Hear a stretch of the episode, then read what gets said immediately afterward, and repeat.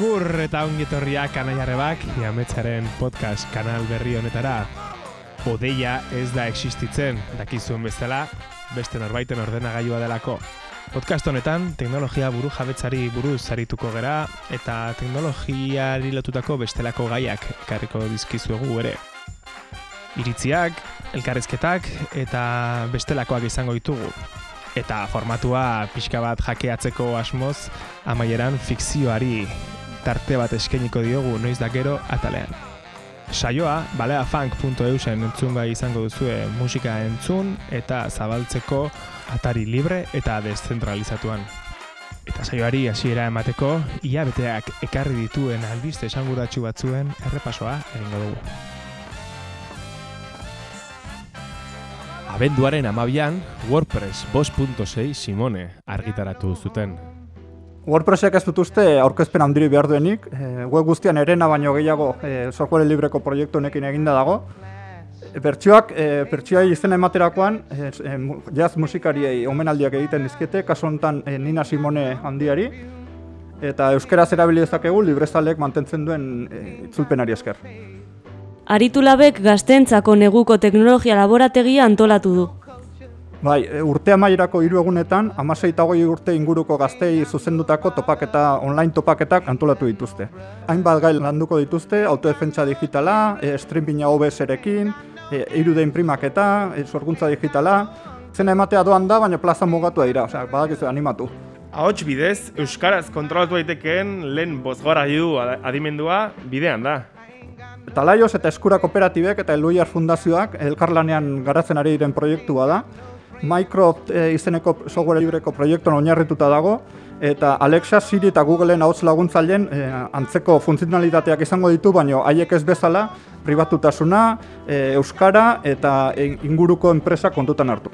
Lemi.eus jaio da, euskarazko webforo irekiak.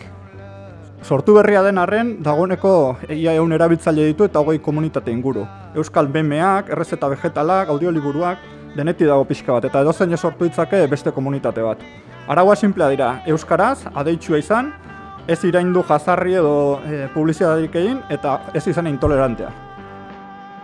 Eta guztiok lakegun bezala, abenduaren amalauean Google erraldoiaren hainbat zerbitzu erori ziren, Gmail, YouTube, Drive, Docs, Bai, egoiz González irakurri nion arkian eta berrian, e, gero eta handiagoa dela daukagun menpekotasuna, den, e, daukagun esatean esan nahi du, enpresak, taldeak, e, erakundeak, eskolak, denak, e, Googleen zerbitzuekiko, oraingoan oso nabariak e, gelditu da. Kasu batzutan, mugaraino, nabaritu da zentralizazioa, ze smart e, kakotxartean detzeituzten gailu egitako batzuk, funtzionatzen utzi dute ezin izan dutelako Googleekin konektatu. Tartean, etxeko argiak, e, berogailuak eta horrelako kontu.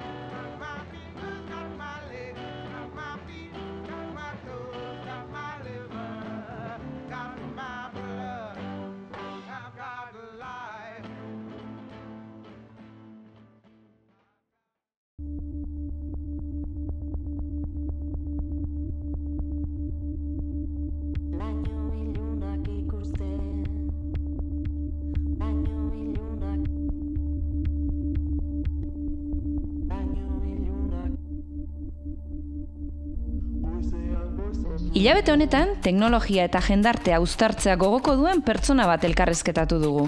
Bera, perresila bezala, mila eta bat saltzetan aurkitzen dugu, baina ia beti teknologiari, kooperatibismoari eta software librari lotuta. Bai, honezkero asmatu duzue. Ilabete honetako elkarrezketatua gorka julio da. Software librari buruz hitz egiten hasi eta gobernantza demokratiko eta kolektiboko eredu berriez hausnartzen amaitu dugu. Gorkari entzunda, Marga Padillak Euskara Bildua jardunaldietan azpimarratutako ideiari bueltakari naiz.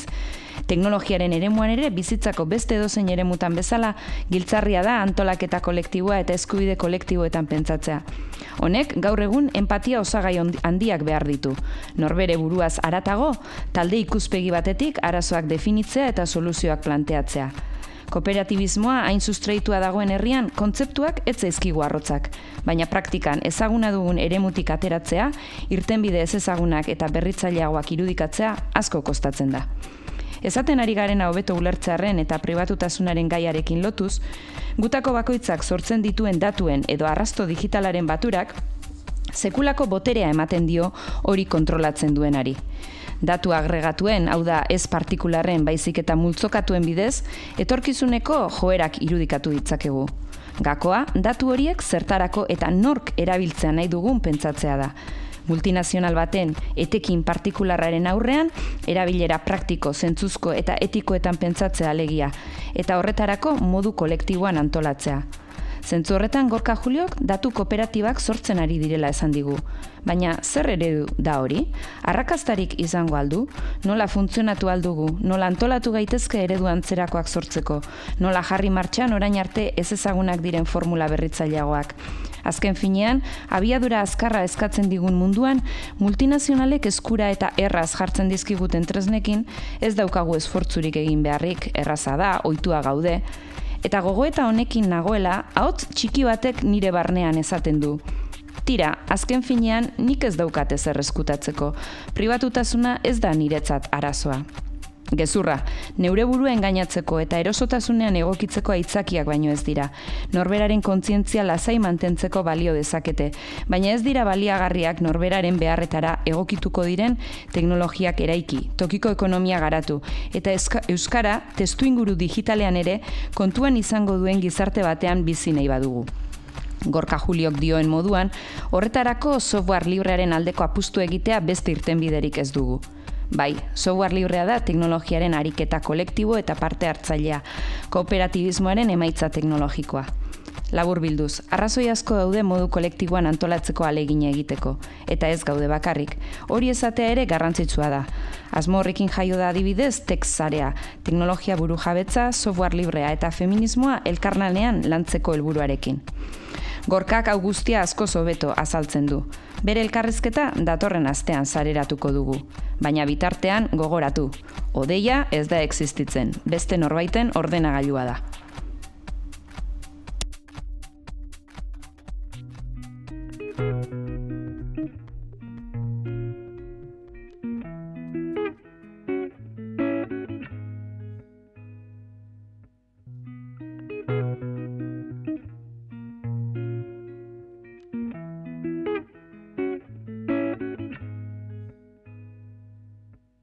Egun hauetan liburu bat egon naiz irakurtzen.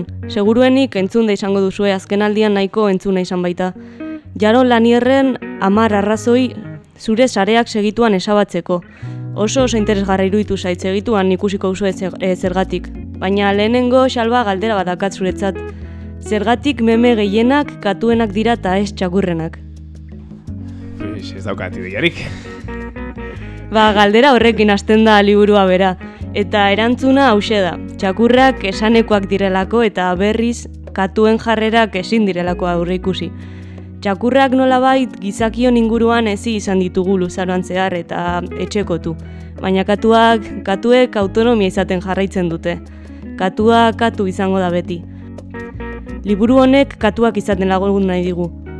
Facebook, Twitter, Google eta bestelako erraldoiak etengabe zelatatzen gaituzten eta gero eta boteretsu eta beratxago egiten duten mundu batean etxekotuak ez izatea eta autonomiari eustea alegia. Sare sozialak gogaikarri gisa aipatzen ditu jaron lanierrek.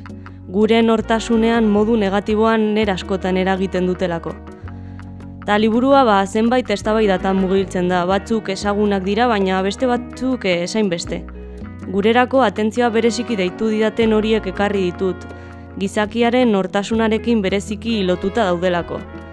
Asteko hiru hausnarketa.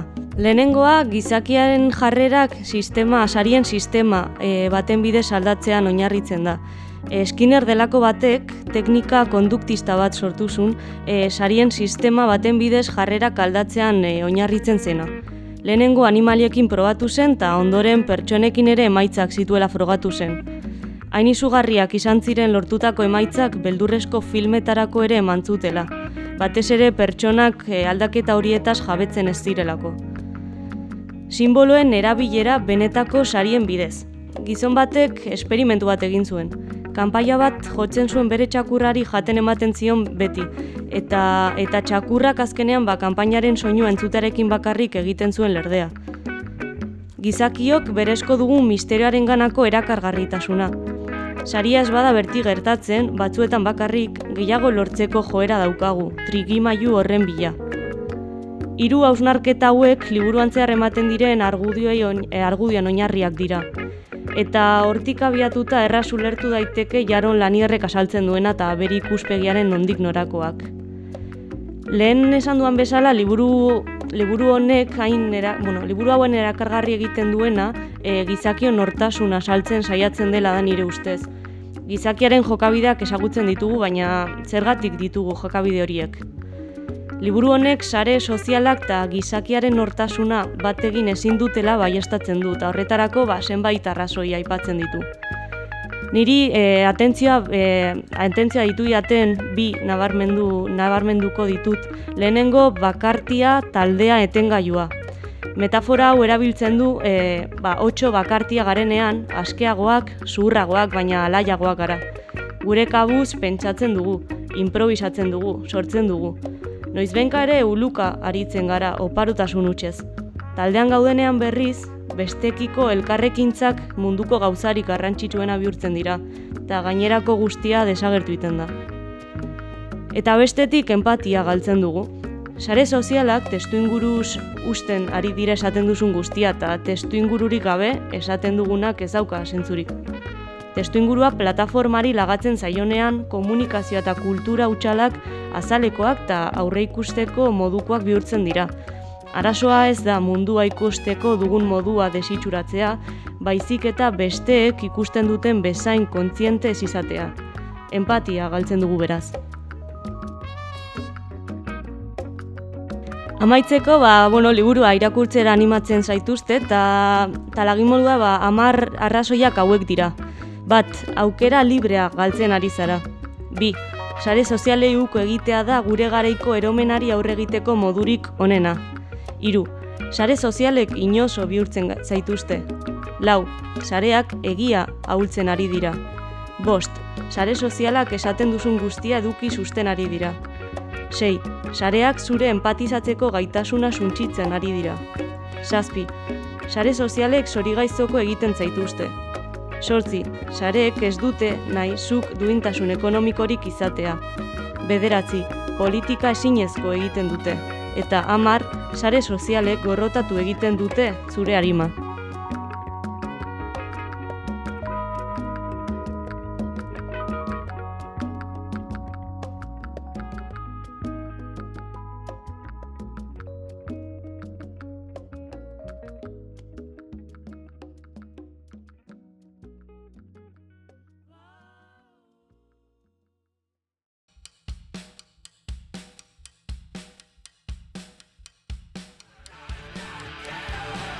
Hilabete honetan naiz da geratalean, sare sozialen gaineko austarketa fiktizio bat. Edo ezain fiktizioa.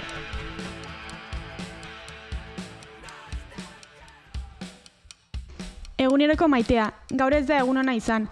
Eguna pozik eta irribarretxu hasi dut. Larun batero bezala alarmari gabe jaiki naiz eta gosari luze horietako bat egin dut terrazan. Fruta, tostada egin berriak eta kafe hutsa.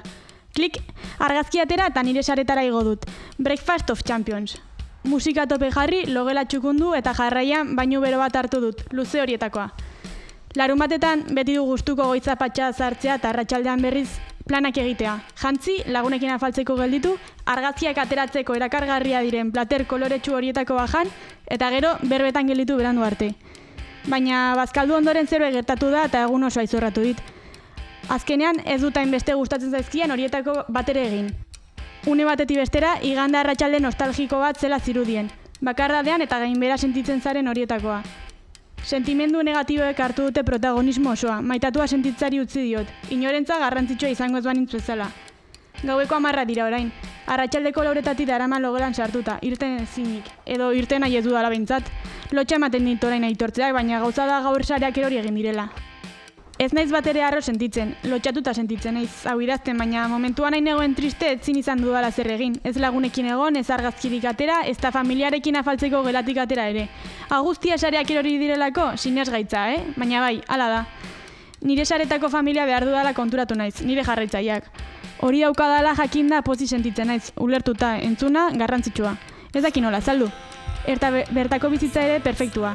Zertarako joango naiz argazkiak ateratzeko erakargarria diren plater koloretsu horietako bat afaltzera, gero nire Instagrameko familiarkin partekatu ezin badut.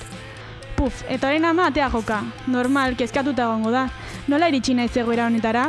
Bideak igotzen hasi nintzenean errepikatu nion nire buruari hau etzela gertatuko, ez nintzela hau hemen peroriko. Eta ikusi, ezin izan naiz ez tarratxalde bat ere YouTube eta saretatik kanpo egon. Zein momentutan utzi nion nire lagunekin ondo pasatzeko helburu bakarrarekin planak egiteari? Zergatik da garrantzitsua niretzako saretako familia, beti etxegin dit horren bila.